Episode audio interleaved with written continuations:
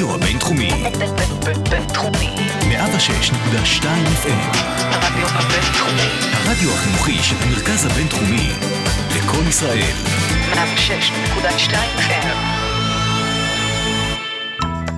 השעה הבינתחומית. פודקאסט שמחדד את המוח. שלום וברכה לכל המאזינות והמאזינים, אתם אה, מצטרפים לפרק נוסף של השער הבינתחומית, כאן ברדיו הבינתחומי, 106.2 FM. אני אה, ציקי ישי, אה, שמח לארח לצידי את טומי שטיינר מהמכון למדיניות ואסטרטגיה IPS של המרכז הבינתחומי בהרצליה. שלום טומי, מה שלומך? מצוין, בוקר טוב. בוקר אור, אז קודם כל תודה רבה שהצטרפת אלינו, ואנחנו נעסוק היום בנאטו. אה, ארגון בינלאומי לשיתוף פעולה ביטחוני. אה, נפתח רק בקצרה, נעשה ככה אה, סדר למאזינים, מה הולך להיות בתוכנית היום. נפתח ברקע, מה זה בדיוק הברית הצבאית הזאת, מה היא כוללת, מה הסמכויות שלה. נמשיך ביחסי, ביחסים של נאט"ו עם המזרח התיכון בכלל. ועם מדינת ישראל בפרט. לאחר מכן נעסוק ביחסים של ארה"ב נאט"ו, שמאז הממשל החדש בוושינגטון מעלים כל מיני סימני שאלה, ונשמח לראות איך אתה רואה את הדברים בעיניים שלך. ונסיים בנושא שהוא לא ממש קשור, שקשור לנאום שנשא ראובן, ראובן ריבלין, אה, נשיא המדינה. בכנס הרצליה ב-2015, אה, נאום שנודע בשמו נאום ארבעת השבטים, שלא קשור באופן ישיר לנאט"ו, אבל קשור ליחסי ישראל והמערב, ואיכשהו גם מתיישר על המגרש הזה. אז זה מה שצפו לנו בשעה הקרובה, ונפתח מהרקע, אה, בואו נעשה רגע סדר למאזינים וגם לי. מה זה בדיוק נאט"ו, מה כלול בברית שעליה מושתת השיתוף פעולה הצבאי הזה? טוב, ברית נאט"ו הוקמה, או החלה ב-1949, בשיא או בתחילת המלחמה הקרה בין אה, ארצות הברית והמערב לבין ברית המועצות והגוש הקומוניסטי. זו אמנה, היא מבוססת על אמנה שהיום אי אפשר היה לחתום עליה. 14 סעיפים, שני עמודים, אה, אין דברים כאלה כמעט היום. אה, הסעיף המרכזי באמנה וגם בברית הזאת היא סעיף 5, שמציין שהתקפה על מדינה אחת מבין חברות נאט"ו בצפון אמריקה או באירופה, תחשב להתקפה על כולן, אה, וכולן צריכות להיחלץ ולסייע למדינה המותקפת. זה הרעיון הבסיסי, ההגנה הקולקטיבית אה, של נאט"ו, אה, זה הבסיס של הברית הזאת, אבל חשוב מאוד לומר ולציין שזאת לא רק ברית צבאית, זה ארגון מדיני. אה, מאז הוא גם משמש כאיזושהי אה, נקודת מפגש עיקרית אה, של מדינות המערב המרכזיות, נאמר, של הברית הטרנס-אטלנטית. ומהבחינה הזאת היא ארגון, זאת ההיבט הפוליטי-מדיני שלו הוא לא פחות משמעותי מההיבט הצבאי שלו, אם כי כמובן מה שמייחד אותו הוא ברית צבאית, והיא נחשבת כברית הצבאית המוצלחת ביותר בעולם, כי בסופו של דבר היא ניצחה במלחמה הקרה, אבל מבלי, מבלי להגיע למלחמה ישירה, מבלי שפיכות דמים. שזה ההישג הכי טוב של צבא בעצם, להגיע ל... זה באמת הישג אה, מדהים, מרשים, אה, שאיש לא חזה וצפה. וצריך לומר גם, גם בפרספקטיבה של 70 אה, שנה כמעט, זו ברית שמחזיקה מעמד למרות השינויים, אה, למרות האתגרים, אתה ציינת אותם בהתחלה, עוד נחזור אליהם בנושא של ארה"ב, אבל עדיין אה, זו ברית משמעותית. גם היום זאת הפלטפורמה הצבאית הגדולה ביותר בעולם, שמאפשרת למדינות לצאת למבצעים משותפים. לא תמיד משתמשים בנאט"ו, כמו במלחמה עכשיו בדאעש, אם כי גם שם אפשר למצוא את נאט"ו ברקע. אז אולי, אולי, אולי ברשותך אה, נעשה שני רגע אה, הבדל בין הזרוע הצבאית שאנחנו מדברים עליה לבין המדינית. בואו נתחיל רגע מהצבאית. אתה אומר שזה בעצם, אה, ההסכם הבסיסי הוא שכל מדינה מותקפת אה, מקבלת הגנה מכל ארסנל המדינות שבהסכם, אה, אבל נכון. גם מדינה שמותקפת, אה, לא, לא בהכרח אה, יש לה דרך פעולה אחת שהיא מחליטה להגיב, אז מי, מי מחליט אה, מה דרך הפעולה, מה הסמכות? כל מדינה מחליטה על דרך הפעולה שלה. מדינה מותקפת? לא, גם המותקפת וגם הלא מותקפת. אה, בנפרד. אין, הן מחליטות במשותף, הן יכולות להחליט בקונסנזוס. אין פעולה של נאט"ו שהיא לא מקובלת על כל המדינות, במפורש, או לפחות ב- בלי הסתייגות פורמלית. כלומר, כל מדינות הברית צריכות להסכים ביחד על פעולה X. יחד עם זאת, יש מדינות שלא רוצות לפעול, אז הן יכולות להיות בשקט. יש היררכיה כאילו? יש איזה מדינה, המדינה מותקפת? אין, פורמלית אין שום היררכיה בנאט"ו. גם ארצות הברית, שהיא בעלת הברית הגדולה, המשמעותית, בעלת האמצעים הגדולה ביותר, היא אחת מבין 28 האחרות, זה הכל. ויש שוויון בכספים, זה גם קשור לארה"ב, ניגע בזה בהמשך, אבל במובן של אה, כל כן. מדינה נותנת על פי איזה יכולת, כוח צריך אדם, להבין, אה, זהו. פה כסף. נאט"ו הוא ארגון קצת מורכב מהבחינה הזאת. יש, לנאט"ו במשותף יש מעט מאוד נכסים משותפים. הנכסים המשותפים זה מפקדות משותפות, אמצעי תקשורת, אמצעי קשר. היום יש גם כמה אה, אמצעים משותפים כמו מטוסי AWACS, אבל בסך הכל לנאט"ו עצמו כגוף אין, אין אה, חילות סדירים שלו. כל מדינה לכל מבצע תורמת, זה הביטוי גם, contributes, נכסים, אה, כספים, אה, בין אם זה חטיבה, חטיבת חי"ר, ספינת מלחמה, מה שזה לא יהיה, כל נלחמים מדינה- תחת המעטה של נאט"ו, אבל, אבל... יש להם פיקוד צבאי משותף. אוקיי, שהוא של אה, נאט"ו. הוא של נאט"ו. הפיקוד הצבאי המשותף, למעשה, וכל המסגרות המשותפות של נאט"ו, ממומנות על ידי אחוז מאוד קטן, כל אחד תורם מתקציב הביטחון שלו, אחוז מוסכם, הוא פשוט, אה, זה סכום יחסית די צנוע, שנועד לאפשר לנאט"ו לפעול. אבל לא מעבר לזה, אין לנאט"ו גייסות במובן הזה, שעומדים לרשותו כל הזמן. עכשיו, יש, עכשיו, לצורך העניין, אני אתן לך דוגמה. היום, אה, בחודשים האחרונים, יש אה, פעילות של נאט"ו במדינות הבלטיות ובפולין. עכשיו, מדינות תרמו לשם, ארה"ב תרמה חטיבה, ובריטניה תרמה חטיבה, ויש, בכל מסגרת יש מדינה מובילה, מפקדת, אבל זו החלטה של כל מדינה מה לתרום ואיך לתרום, וגם אה, הפיקוד הצבאי מפקד עליהם. אבל זה, הם לא חיילים של נאט"ו אורגניים. אוקיי. אבל כך זה עובד, וזה עובד. זה מצליח לעבוד על אף הקושי של ה... צבאות שונים כמעט 70 בשדה שנה של לחימה. ניסיון עבודה משותף בין המדינות הגדולות, בין המדינות המשמעותיות החברות בברית. זה לא משהו שהתחיל אתמול ולא משהו שיסתיים מחר. הניסיון הזה מאפשר להם לפעול ביחד. הם, פע... הם פעלו ביחד גם בתקופת המלחמה הקרה. גם לאחריה הם פעלו בבלקנים, אה, במלחמה בבוסניה, במלחמה בקוסובו, לאחר מכן בהסדרי השלום ב- ביוגוסלביה לשעבר. פעלו בסופו של דבר גם יחד באפגניסטן, ויש להם פעולות נוספות ים תיכון, וכל מיני מדינות שונות שבהן אה, נותנים סיוע היום. אבל, ובסך הכל זה עובד, זאת אומרת, זה ה... זה, זה לא תמיד עובד בצורה חלקה, לא תמיד, תמיד יש אה, ביקורות, לפעמים זה בא מאוחר מדי, אבל כשזה מגיע, זה מגיע, וזה משמעותי. אוקיי, אז עד כאן זה בעצם בגדול המשמעות של הזרוע הצבאית. אמרת בהתחלה שזה יש גם אלמנט אחר לחלוטין, זרוע מדינית, בוא... כן, כי בסופו של דבר, על מה מדובר. ה- ה- ה- מי שמנהל את נאט"ו בפועל, לצורך העניין יש מזכ"ל הארגון, שהוא איש מדיני. במקרה שלנו, אה, ג'יינס אה, סטולטנברג, אה, מזכ"ל נאט"ו הנוכחי, היה ראש ממשלה, ראש ממשלת שוודיה, עד לפני שנתיים, שלוש. אה, מי שמנהל את היומיום בנאט"ו, באמצעות, ולכל מדינה יש אה, למעשה נציגות קבועה בנאט"ו, מי שעומד בראש הנציגות הקבועה של כל מדינה חברה, הוא שגריר, הוא דיפלומט. מי שמנהל את, ה... את היום-יום, אלה משרדי החוץ, זה הדיפלומטים. זה לא אנשי הצבא ולא שרי ההגנה. אני לא אומר שהם לא משמעותיים, אבל מי שמנהל את זה בפועל, אלה הדיפלומטים, זה, משרד, זה משרדי חוץ. ובהקשר הזה, זו מסגרת שבאמת אה, בהם הם דנים גם בסוגיות בינלאומיות וסוגיות אזוריות שונות, ולכן צריך גם להבין שזה סוג של אה, מועדון מדיני. לא פחות חשוב מההיבט הצבאי שלו, הברית הצבאית שלו.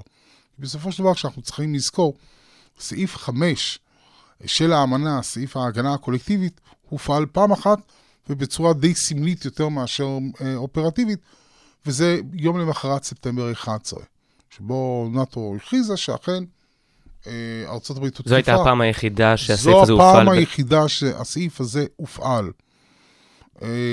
ו- ומאז הוא לא הופעל. אפילו הצרפתים, אחרי הפיגועי, פיגועי הטרור בבקלם וגם הפיגועים שהיה שם, לא ביקשו להפעיל את זה והוא לא הופעל.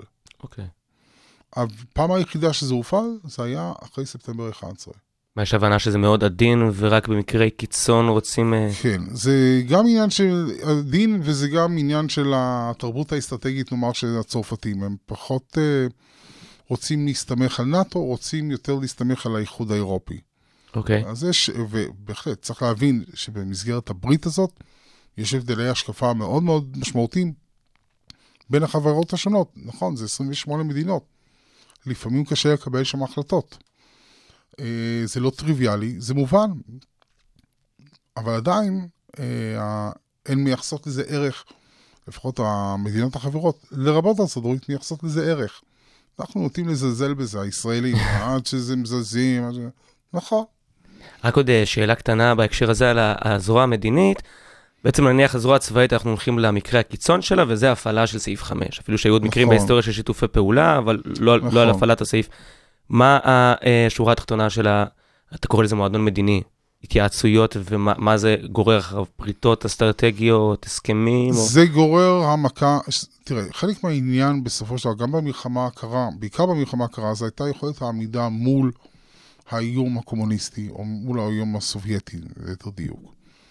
היום אה, זה יכולת העמידה והפעולה של מדינות אה, דמוקרטיות מערביות לנוכח איומים שונים ואחרים, בין, בין אם זו רוסיה החדשה, תחת פוטין, בין אם זה איומים של... אה, ג'יהאד איסלאמי, בין אם זה דאעש או אל-קאעידה, אבל דאעש הוא מהווה, סוג של איום קצת שונה מאל-קאעידה, זה היכולת של העמידה שלהם מול האתגרים המשותפים הללו. גיבוש מדיניות משותפת? גיבוש זה? מדיניות משותפת, עד כמה שזה קשה, כן.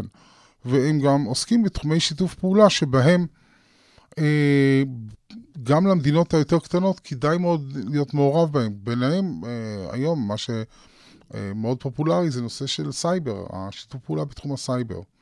אנחנו פחות צריכים את זה, אבל צריך לזכור, ויש מדינות שבאמת לא צריכות את נאט"ו בשביל זה, כמו ארה"ב, אבל מדינות אחרות, אה, יתר המדינות החברות בנאט"ו די צריכות את שיתוף הפעולה הזה, וגם לארה"ב יש אינטרס, כמו לאחרות, שהמדינות החברות האחרות יהיו מגובות במערך הגנה מפני סייבר, כי אחרת הן יהיו הראשונות ליפול, אבל גם... ואז זה איזשהו אבל מידע זה עלול לפגוע כזה. גם בארצות הברית ואחרות.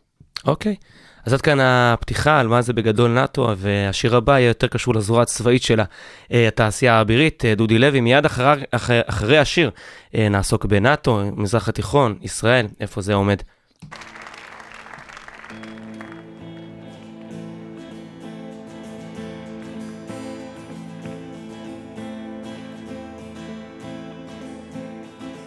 הוא קיבל הזמנה לבנות ספינה.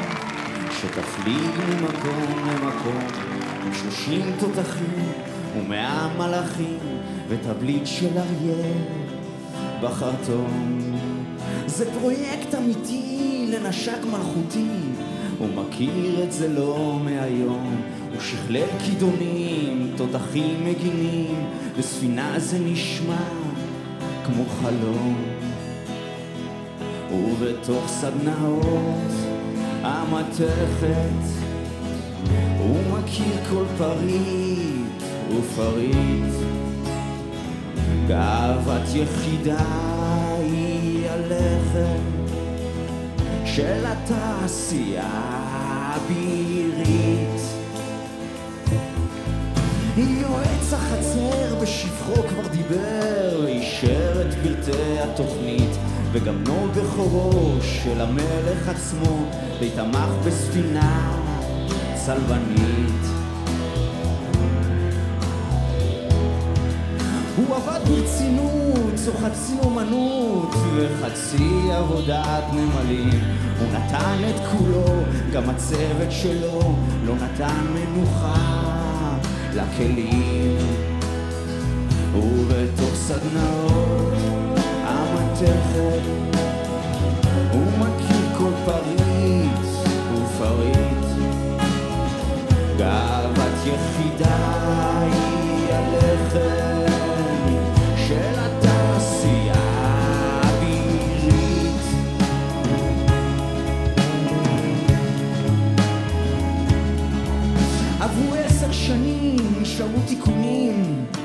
וברגים אחרונים לחזק, אבל אז התגלתה מחלה בחיטה, היועץ כבר החל לפקפק. הוא עבד כל שעה, לא הביט בשקיעה שנפלה כמו שק על גבו.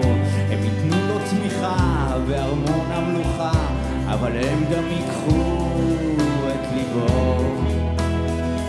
אז הייתה ישיבה ממושכת, הם בדקו כל פריט ופריט, והחליטו יותר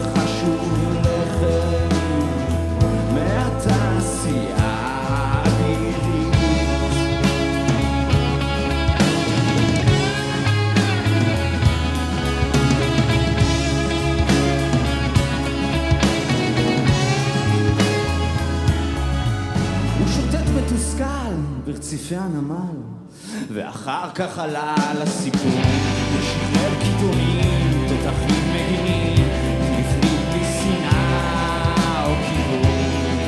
בלי לחשוב מה יקרה, את חרטום האריה, הוא כיוון אל מיצר הסלעים, כמו אנדרטה מעץ, חלומות נפלו. התעשייה האבירית.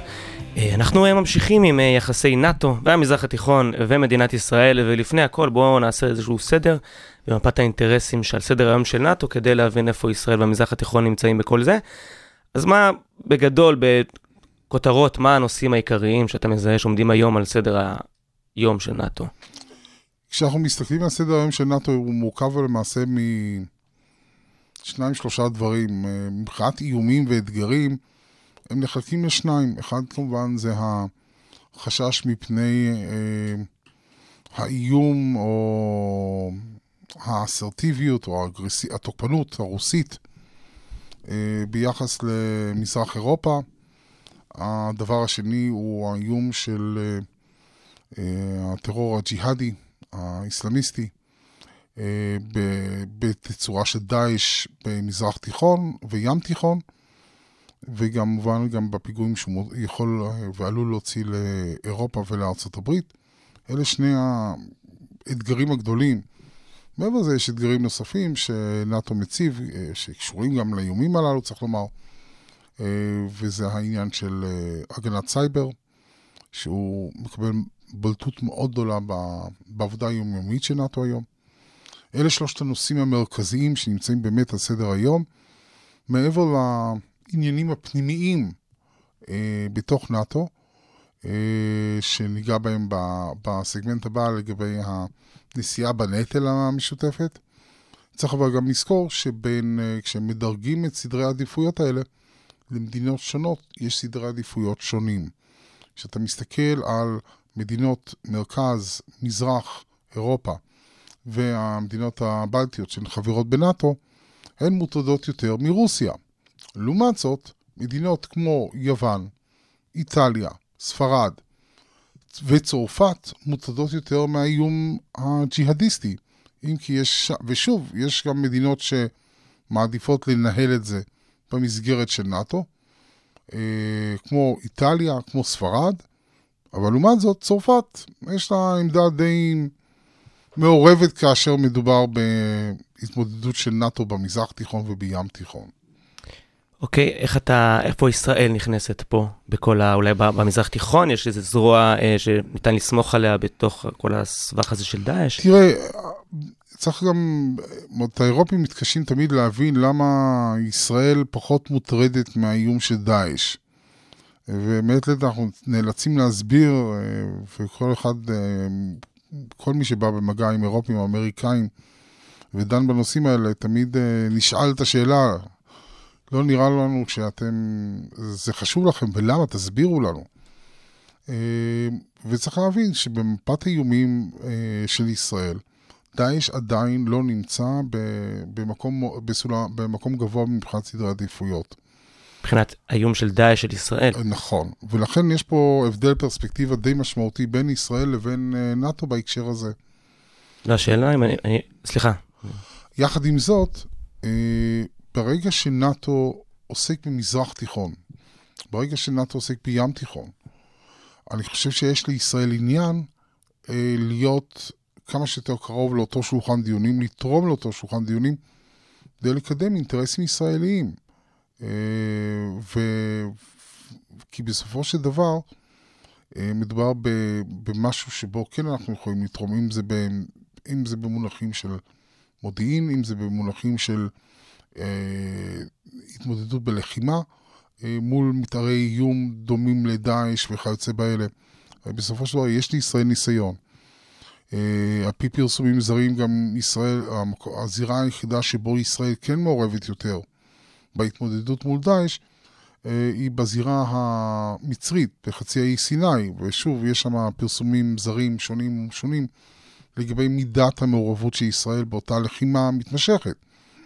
ולאירופים ולנאט"ו יש uh, אינטרס, צריך להיות לפחות, אינטרס משמעותי לגבי מה שקורה בסיני, כי הוא סמוך אה, לתעלת סואץ, שהוא, אה, נאמר זאת כך, קו חיים של אירופה, גם במונחים של אה, ייצוא וייבוא סחורות, ובעיקר אה, אנרגיה, גז ו, ונפט. אז, אז זו השאלה, בדיוק מה שאמרת עכשיו, ייתכן ובעצם, על אף שדאעש לא בראש האיומים של מדינת ישראל, אה, אפשר להגיד שנאט"ו צריכה להשתמש בישראל כזרוע בגלל שיש לה איזשהו גבול עם מצרים ושליטה מסוימת? אני לא יודע מה זה זרוע, אני, תראה, ישראל, אני לא רואה מצב שבו אה, כוחות ישראלים אה, משתתפים באיזושהי פעולת לחימה או פעולה מבצעית אה, משמעותית בזירה המזרח-תיכונית תחת אה, דגל נאט"ו. אני לא רואה את זה קורה. זה יכול לקרות... למה אגב? אה, כשמסתכלים על המעורבות של נאט"ו במזרח התיכון בפרספקטיבה של 20 השנים האחרונות, יש בנאט"ו כל מיני חששות, הסתייגויות, איך זה תמיד ייראה אצל מדינות ערב, איך הערבים יפרשו זאת. Uh, יש, uh, נאט"ו נוטה, המדינות החברות בנאט"ו, חלקן לפחות, נוטה לחשוב שהמדינות ערב, ערבים עלולים לראות פעילות נאט"ו במזרח תיכון כשובם של הצלבנים. אני חושב שהחששות של נאט"ו הם קצת מופרזים בהקשר הזה, ולהכניס את ישראל לתוך אותה קלחת, זה סיפור קצת יותר מורכב. יחד עם זאת, אם מדובר בפעילות ימית, אה, שמיועדת, כמוגדרת כנגד אה, טרור, counter terrorism, בפעילות ימית שמדינות נאט"ו עכשיו מתחילות לדבר על זה שוב, כי כבר היה כזה מבצע, אמ, שם כן, שם בהקשר הזה, בהקשר הימי, אה, ישראל כן יכולה להשתלב, היא משולבת כבר, אה, אומנם במידה מאוד צנועה, יש... כן, תכף ניגע גם בסטטוס בדיוק שלה. אה, אבל זה תחום שבו כן ישראל יכולה להיות שותפה, ויכולה לתרום, והיא כבר תורמת. באופן צנוע, אבל תורמת. אוקיי, okay, אז רגע לפני באמת התחלת ככה נגיעה על חיל הים ועל הסטטוס הספציפי של ישראל. אה, נלך רגע, נשוב אחורה קצת, אה, משהו כמו 20-30 שנה, בוש האב, בסוף שנות ה-80, הגדיר את אה, ישראל כבעלת ברית עיקרית שאינה בנאטו. נכון. מה זה אומר ההגדרה הזאת אגב, בעצם? אגב, זו הגדרה שנוגעת למעמד, למעמד של ישראל מול ארה"ב בלבד. לארה"ב יש הגדרות לגבי מערכות הבריתות שיש להן, או... המחויבויות שיש להן למדינות נוספות. אז קודם כל יש NATO ally, ויש major non-NATO ally, ויש בעלי ברית שאינן חברות בנאט"ו. ישראל שייכת לאותה קבוצה. אה, היא קבוצה לא קטנה אגב, זאת אומרת, זה לא רק ישראל. שם יש גם מדינות ערב, נכון? יש, אה, כן, חלק ממדינות ערב שייכות לרשימה הזאת, מדינות כמו אוסטרליה, ניו זילנד גם שייכות, תאילנד, אה, זה לא קבוצה ממש קטנה. אוקיי. Okay. אה, והיא גם לא ברית פורמלית. זאת זה יותר סטטוס של הגדרה אמריקאית עצמית. אמריקאית? זה האמריקאים הגדירו בשם נאט"ו? זה הגדרה אמריקאית. לא, לא, זה לא קשור לנאט"ו. אה, זה בעלת... ה-Non-NATO Ally לא קשור לנאט"ו, זה הגדרה אמריקאית לגבי מערכות היחסים שלה עם מדינות אחרות בעולם. אה, שההגדרה פשוט מבוססת על זה שאנחנו בעלות יש- ברית, אבל יש- לא, אה, בלי קשר לנאטו. כן, non-NATO הבנתי. ally. אנחנו לא, אתם בעלות ברית, אבל לא NATO ally. אוקיי, ועכשיו כעת אה, ישראל הולכת לפתוח, או פתחה כבר משרד פתחה. ישראלי במטה נאטו. נכון. מה זה אומר על היחסים שהם חברים, לא חברים, איפה זה בדיוק? זה, מה, מה זה אומר על הדינמיקה הזאת? זה מתחיל כבר מ- מהקיץ שעבר עם uh, סיום הסכסוך uh, בין ישראל לבין טורקיה. הצעד בונה האימון המשמעותי הראשון של הטורקים כלפי ישראל היה הסרת הווטו שלהם על שדרוג היחסים בין ישראל לבין נאט"ו. אה, ולכן גם בקיץ שעבר, ביוני-יולי, הייתה ההודעה הפורמלית שישראל ומדינות מזרח תיכון נוספות יוכלו לפתוח נציגויות במטה נאט"ו ולהאמין, או אה, לעשות אה, אה, שגרירים או נציגים קבועים מאומנים למטה נאט"ו. כי עד אז הנציגים של מדינות אה, מזרח תיכון, ים תיכון, לנאט"ו לא היו נציגים פורמליים. הם היו או שגרירים של אותן מדינות לבלגיה, או שגרירים של אותן מדינות אה, לאיחוד האירופי בתצורה כזו או אחרת, וגם ייצגו את המדינות שלהם מול נאט"ו, אבל לא בצורה פורמלית. כך היה, היה לנו במשך השנים שגרירים לאיחוד האירופי, שגם ייצגו את ישראל מול נאט"ו, אבל לא פורמלית. מהקיץ שעבר, בתחילת ספטמבר, הגיע שגריר חדש אה, ישראלי ל... ל... למוסדות האיחוד האירופי. הוא הגיש את כתב האמתו, כתיב- את כתב האמנה שלו לאיחוד האירופי, והגיש גם לאחר מכן גם כתב האמנה למזכ"ל נאט"ו, וזו הייתה הפעם הראשונה שיש לנו שגריר שהיום אה, מאומן, זאת אומרת, אה, מה שנקרא credentialized, למטה נאט"ו, ובעקבות זאת גם אוכל, אוכל, אה, התחילו גם בהליכים לפתוח משרד אה, או אה, נציגות אה, של מדינת ישראל במטה נאט"ו. אה, הנציגות קיימת, היא מתחילה להיות מאוישת בימים אלה, אני חושב שהיא כבר אוישה. לא, לא משרד גדול, לא... לא קמפוס? אה, לא, לא, לא, פינה. זה שני חדרים אה, לא גדולים במיוחד. שני חדרים, אה, יש לנו נציגות, אנחנו יושבים בדיוק ליד הנציגות הרוסית. זה דבר נפוץ? שיש מדינות שיש להן נציגות פורמלית בנאטו והן לא חברות בארגון? כן. אה, כל המדינות האירופיות וה... שאינן חברות בנאט"ו, יש להן נציגות אה, קבועה במטה נאט"ו, למשל הרוסים, השוויצרים, אה, האוסטרים שאינם חברים, הפינים, השוודים, אה, לכל אלה יש, אה, סליחה, הנורבגים, סליחה. יש להם, לא, הנורבגים יש להם, שוודים, השוודים גם שותפים, גם שוודיה. יש להם נציגויות במטה נאט"ו. נציגויות קטנות, אה, אבל הן קיימות, הן פעילות, הן נמצאות שם. ומשמעותה של נציגות כזאת היא יותר קשורה ל- זה לזרוע אומר המדינית? שישראל ישראל שלהם? היא, כן, זה- זה יוצר אפשרויות. ישראל הופכת, היא פורמלית עכשיו שותפה של נאט"ו. אמ, יש לנו נציגים קבועים שיושבים היום אה, מדי יום אה, במטה נאט"ו. הם מקיימים קשרים, מקיימים פגישות, הם יוצרים הזדמנויות חדשות לשיתוף פעולה, מנסים גם להבין את אה, איפה הארגון הולך, מה, החש... מה המחשבות של הנציגים השונים של המדינות השונות. אה, זו מערכת מאוד מורכבת. אה, וחשוב שתהיה לישראל שם נציגות. גם יש מקום שבו למשל הנספח הצבאי, נספח צה"ל, שכרגע יושב בהאג, וגם אה, אחראי לצורך העניין על הקשרים עם נאט"ו, יש לו מקום לבוא אליו. יש לו כל לבוא, מגיע. אבל מי שמאייש את זה באופן אה, קבוע זה האנשים הדיפלומטיים המדיניים. לא כן, לא אנשי צבא, הם חוזרים לתחילת השיחה. כן, כן, כן, אבל יש שם מקום גם לנספח הצבאי, שבא ומקיים פגישות שוטפות במטה נאט"ו. אוקיי, ורק לסיום הפינה הזאת, יש איזשהו אינטרס אה, ארוך טווח, אה, ש- שאיפה ישראלית להיות חברה בנאטו, או שזה בכלל לא משהו שאף אחד- מהצדדים לא מעוניין בו בעצם? זה פשוט לא רלוונטי. אה, אותה אמנת וושינגטון, שנחתמה ב-1949, קובעת בסעיף 10 שהאמנה פתוחה למדינות אירופיות נוספות להצטרף. זה אחד אנחנו- מהסעיפים האלה שדיברנו. כן, אנחנו לא אירופים. שנית, אני מזכיר, סעיף 5 מתייחס אה, לכך שמדינה שמותקפת בצפון אמריקה או באירופה, זכאית להגנה קולקטיבית.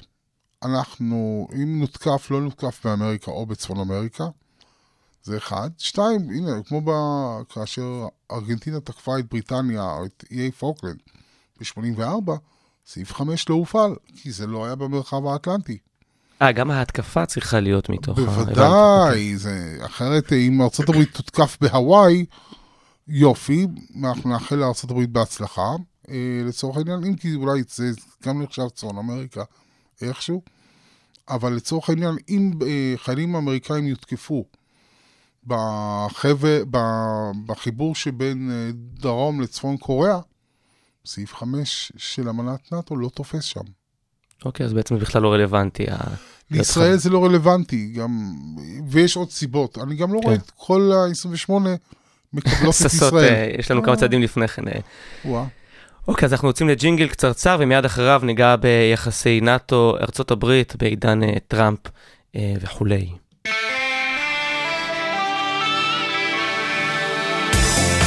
הרדיו הבינתחומי, בינתחומי. 106.2 FM, הרדיו הבינתחומי. הרדיו החינוכי של המרכז הבינתחומי, לקום ישראל, 106.2 FM.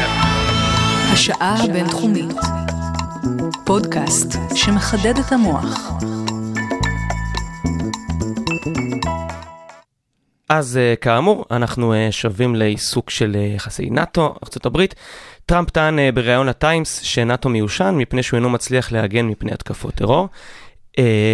זה באמת שאלה שבלי קשר לרעיון הזה מעניינת אותי. ברית צבאית בין מדינות בעידן שבו האיום העיקרי הולך ונכנס אל מרכזי הערים בדמות של טרור ומפגעים. מה זרוע צבאית וברית כזאת יכולה להועיל במקרה הזה? טוב, אנחנו מגיעים לאחת הסוגיות היותר מורכבות של uh, התמודדות נאט"ו בעת הזאת, ולהבדלי תפיסה ולהבדלי גישה בין, מדינו, בין המדינות החברות. צריך להבין שכשאנחנו מדברים באירופה על איום הטרור, התפיסה שלהם היא לא במונחים של טרור מהווה איום על הביטחון הלאומי. הוא מהווה, זאת ההתמודדות של אה, אירופה מול טרור היא בתחום של משטרה, מודיעין פנים, אה, רשויות חוק. ובהקשר הזה לברית צבאית יש תפקיד אה, מאוד מוגבל בהקשר הזה, כי הוא לא אה, מתעסק במתן ויזות, הוא לא מתעסק בביקורת גבולות, זה משטרות עושות.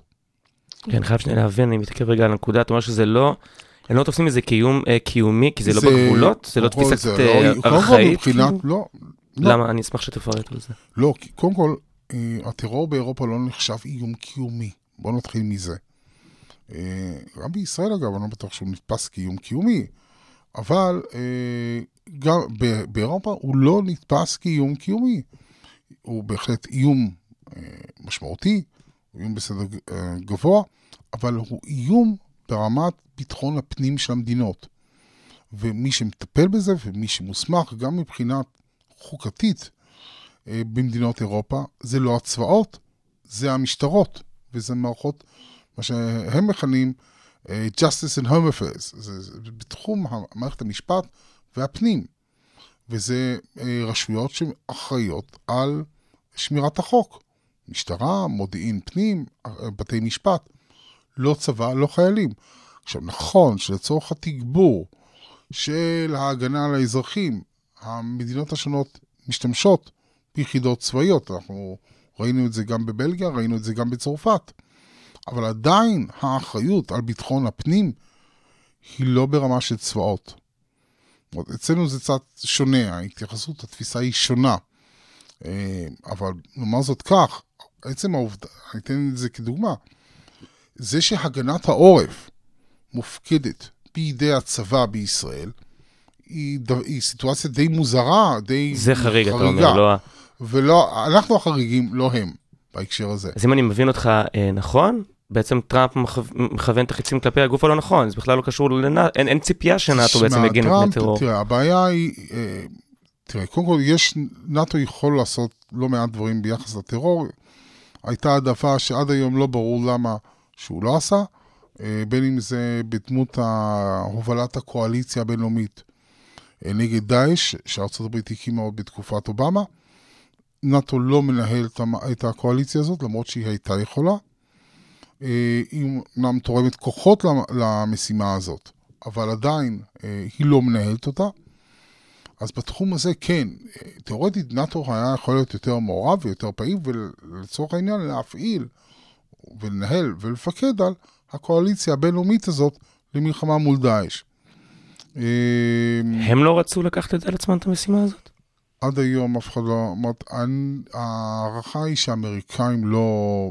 בתקופת אובמה האמריקאים העדיפו שלא אה, לתת האמריקאים העדיפו לנהל את זה בעצמם. זה קרה גם באפגניסטן. צריך לזכור שנאט"ו בתחילת ה... הלחימה באפגניסטן לא הייתה מעורבת בה. זה היה בהתחלה מה שמכונה coalition of willing, קואליציה של בעלי ברית, שלא היו קשורים לנאט"ו, שפעלו באפגניסטן. מ-2000, בוודאי לא בשלבים הראשונים של הלחימה ב-2001 ו-2002. רק ב-2004-2005 אנחנו רואים תחילה של מעורבות של נאט"ו בתחומים מסוימים באפגניסטן, עד לסיום הפעולה הגדולה ב-2014 וגם היום.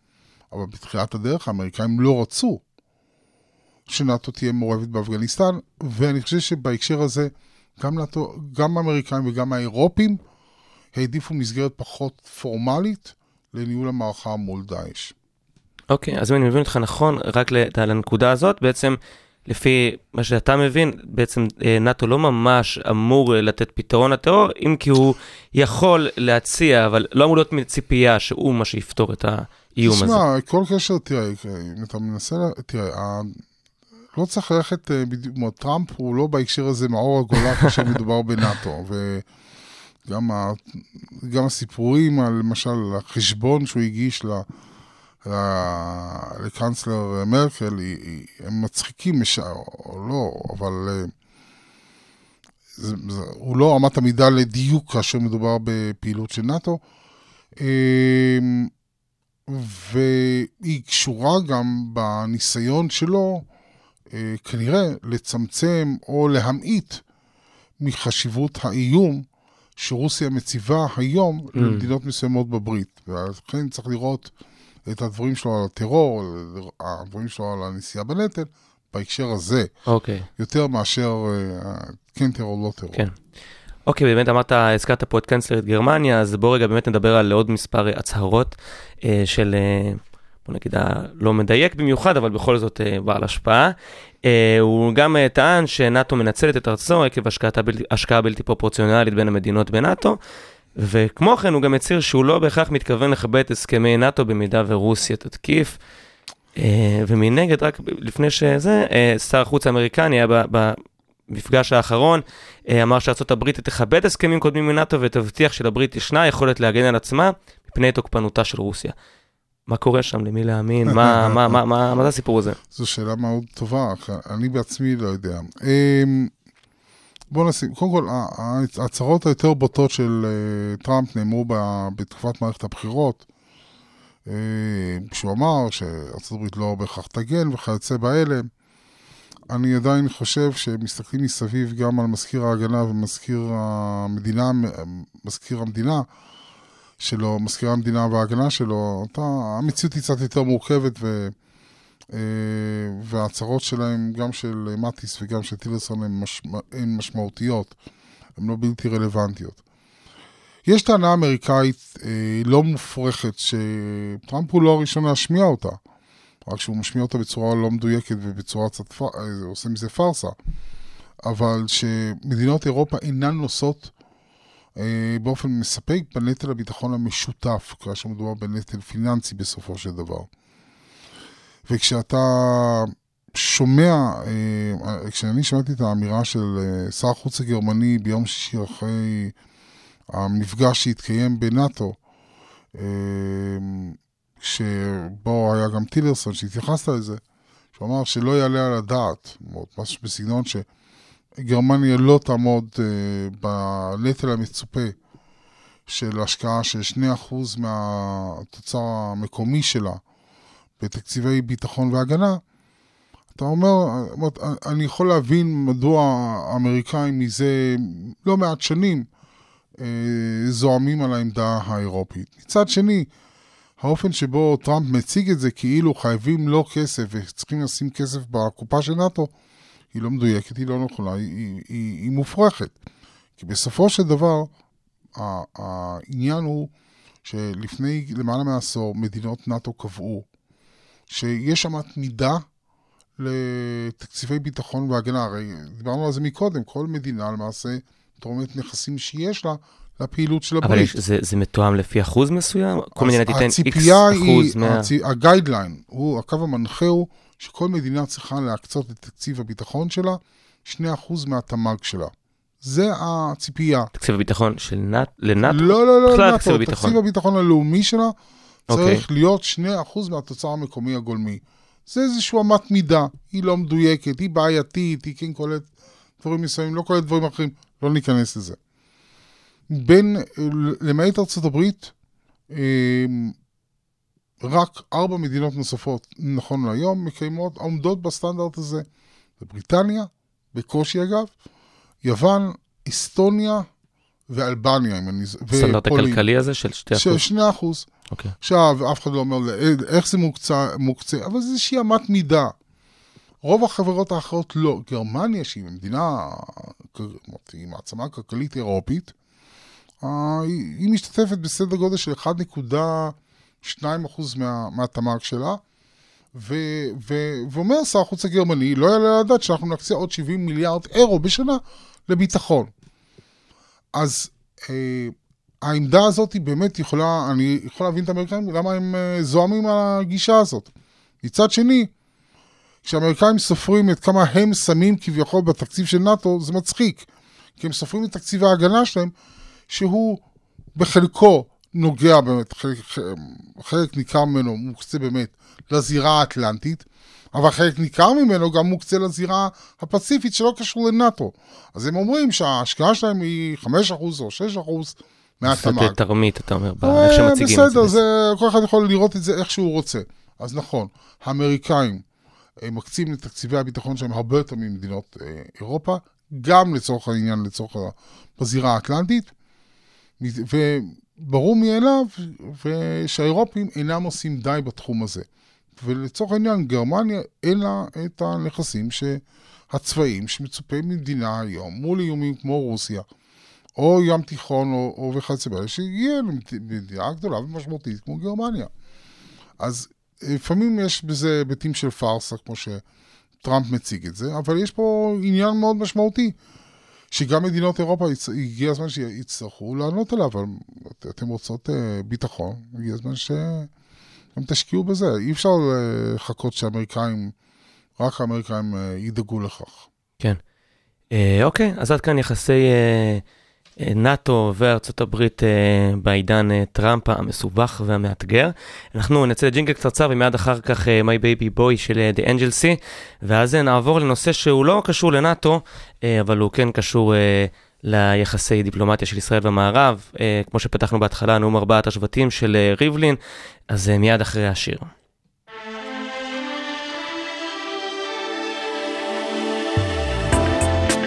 הרדיו הבינתחומי. בינתחומי. 106.2 FM. My baby boy's in the army of disbelief. My baby boy's in the army of midsummer grief. tossing and turning in his bed, guessing his own end,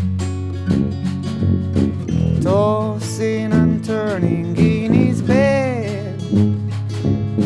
My baby boy's already dead. We are a natural disaster. Shake, mama, shake your head. We are a natural disaster.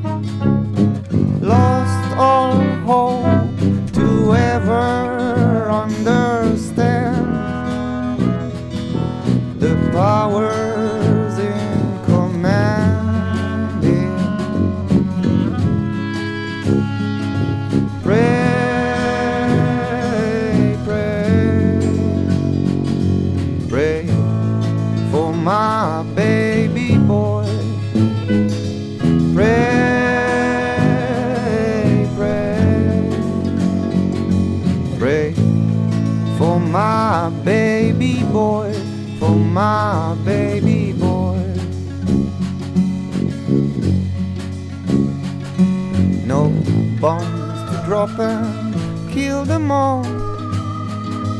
No money paid to charge our souls. No mind control. No wall. Just summer, winter, spring, and fall. We are natural disaster.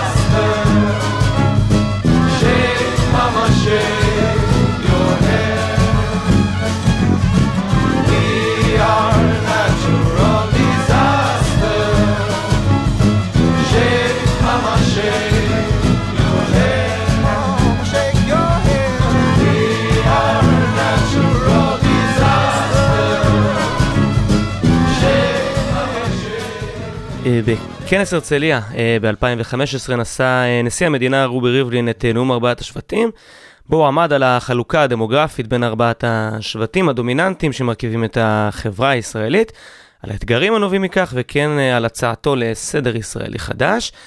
בואו רגע נעשה סדר בנאום הזה. על אילו שבטים הוא דיבר, מה המגמות שהוא מזהה לעתיד בהקשר הזה ומה בעצם ההצעה שהוא מציע כדי... אין לו הצעה, אגב, ברורה, מפורטת, יש לו כוונה להשיק איזשהו שיח על הסדר הישראלי החדש שמתהווה, שנובע משינויים דמוגרפיים וחברתיים בעיקרו. והבסיס של הסדר הזה הוא ההבנה שבשנה הבאה, ב-2018, בכיתות א', אם תסתכל בהתפלגות.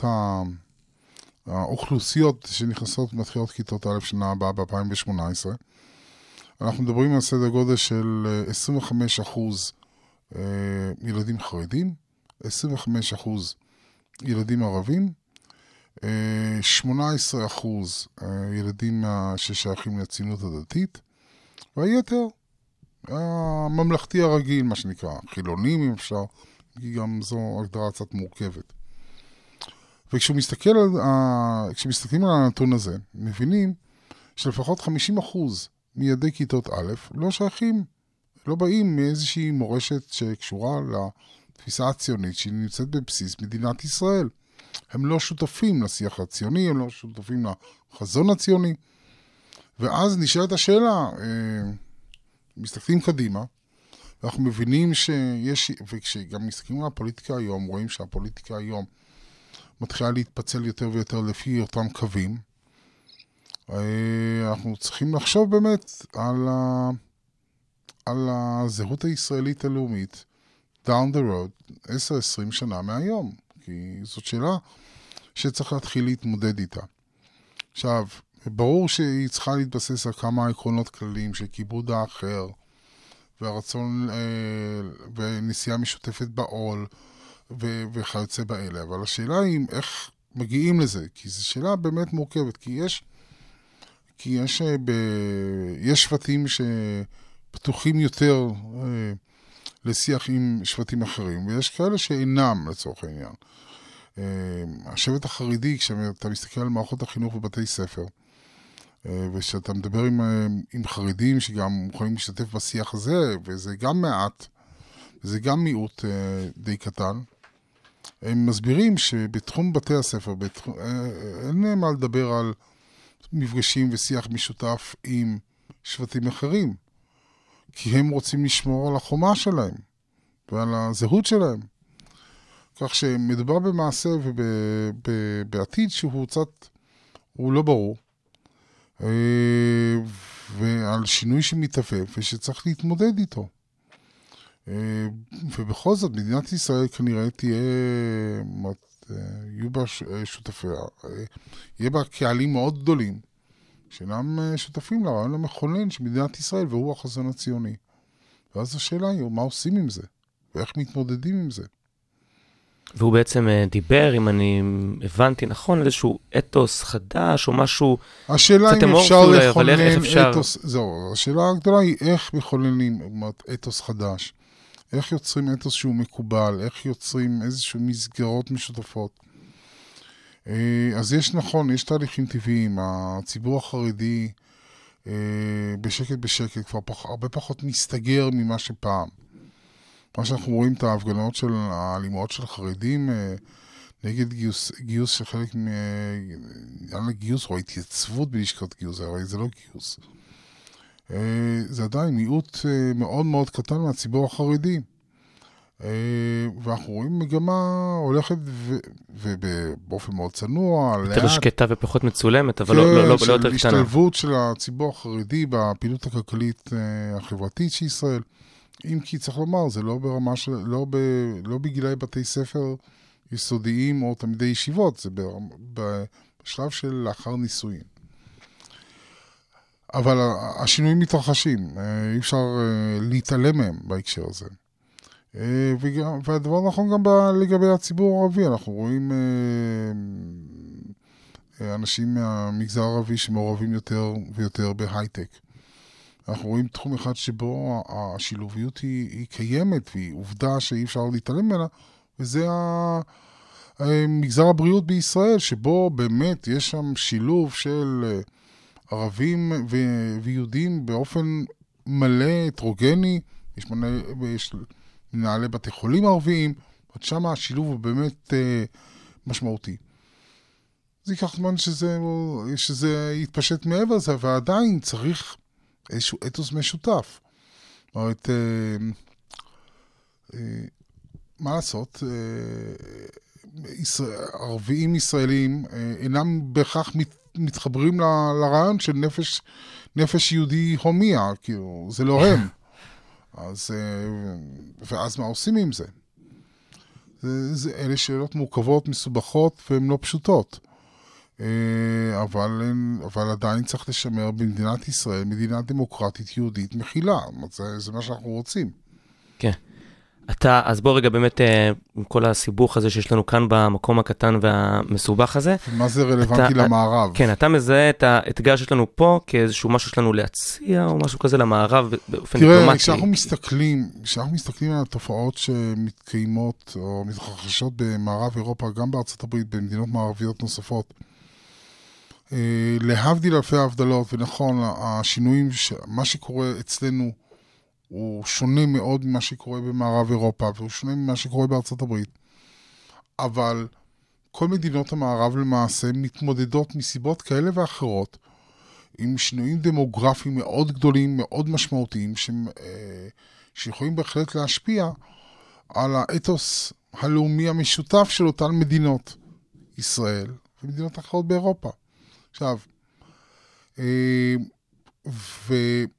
ואני סבור, אני לא יודע איך עושים, אומרת, זה לא משהו פרקטי, אבל בהקשר הזה, אני חושב שטוב תעשה ישראל אם היא תדגיש את העובדה שהתהליכים שעוברים אצלנו, שמתקיימים אצלנו, אינם שונים מה, מה, באופן כל כך גדול מהתהליכים שעוברים על מדינות מערב אחרות. ואפשר לנהל על זה שיח, ואפשר ללמוד מהניסיון של האחרים, והם ילמדו משלנו.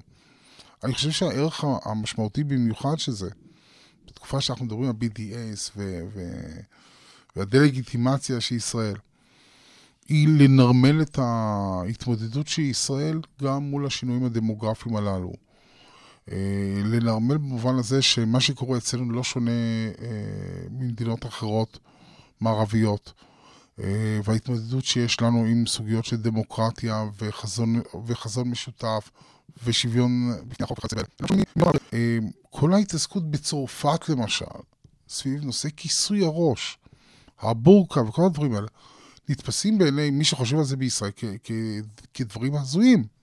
מה באמת? לחוקק חוק שאסור לחבוש אה, כיפה, או ללכת עם בורקה, או ללכת עם כיסוי, פנ... כיסוי ראש? ברצינות? זה אירופי? זה דמוקרטי? זה ליברלי? אני חושב שיש פה אמירה שהיא, האירופים לא מבינים בכלל שהמחשבה ששוטר ייגש אה, למוסלמית בחוף הים ויאלץ אותה להוריד את הבגד ים המלא שלה, הוא פשוט הזיה, זה משהו שלא, אף אחד לא היה חושב לעשות אותו בישראל. ואף אחד גם לא, לא מבין פה בישראל למה עושים את זה באירופה, ומה, ואיך זה לעזאזל קשור לטרור. כי אין קשר בין זה לבין טרור. אז על, על אף השוני בעצם ב, ב, בסיבה במקורות, שהקבוצות, כן, כאילו. הם, ש, פה אז הם טוענים לזכות על הארץ, או שהם זה, ושם זה בכלל מהגרים, או זה, אתה אומר, השורה התחתונה, מתמודדים עם... יש פה שינויים מאתגרים דמוגרפיים, את האתוס הלאומי. יש פערי, פערים חברתיים, אנחנו רואים את זה, זה בולט. השאלה היא איך מתמודדים עם זה. וברגע שאנחנו מדברים על הניסיון הישראלי, אני חושב שזה מנרמל קצת את מצבה הייחודי של ישראל בהקשר הזה, ואני חושב שיש לזה ערך לא מבוטל. אוקיי. אה, טומי שטיינר מהמכון למדיניות ואסטרטגיה, אה, IPS של המרכז הבינתחומי בהרצליה, היה לי מרתק לדבר איתך. שמחתי אה, להיות פה. למדתי הרבה דברים במהלך הרעיון הזה, אז תודה רבה לך. אה, אנחנו השעה הבינתחומית ברדיו הבינתחומי, 106.2 FM. שיהיה לכם שבוע נהדר, אנחנו מסיימים עם מסיב עתק, 5-Man Army.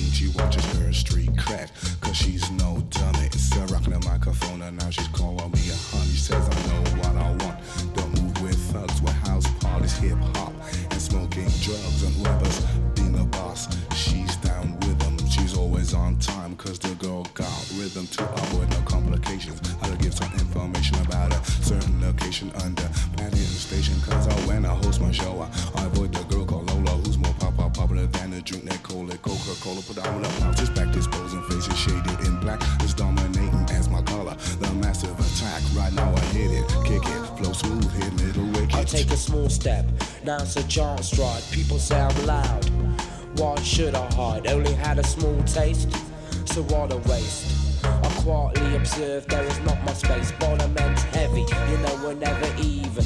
People call me tricky for a particular reason. I got you say, and I got to let you know. See, rocking in your area, rock beneath your balcony. My baby just cares for me. Well, that's funny.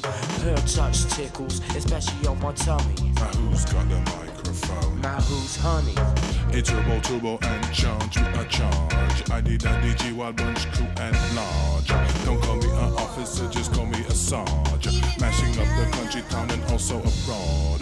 Plan to go to America when I get a visa card. But getting a Visa card nowadays isn't hard. So keep your ears peeled, I listen to every card.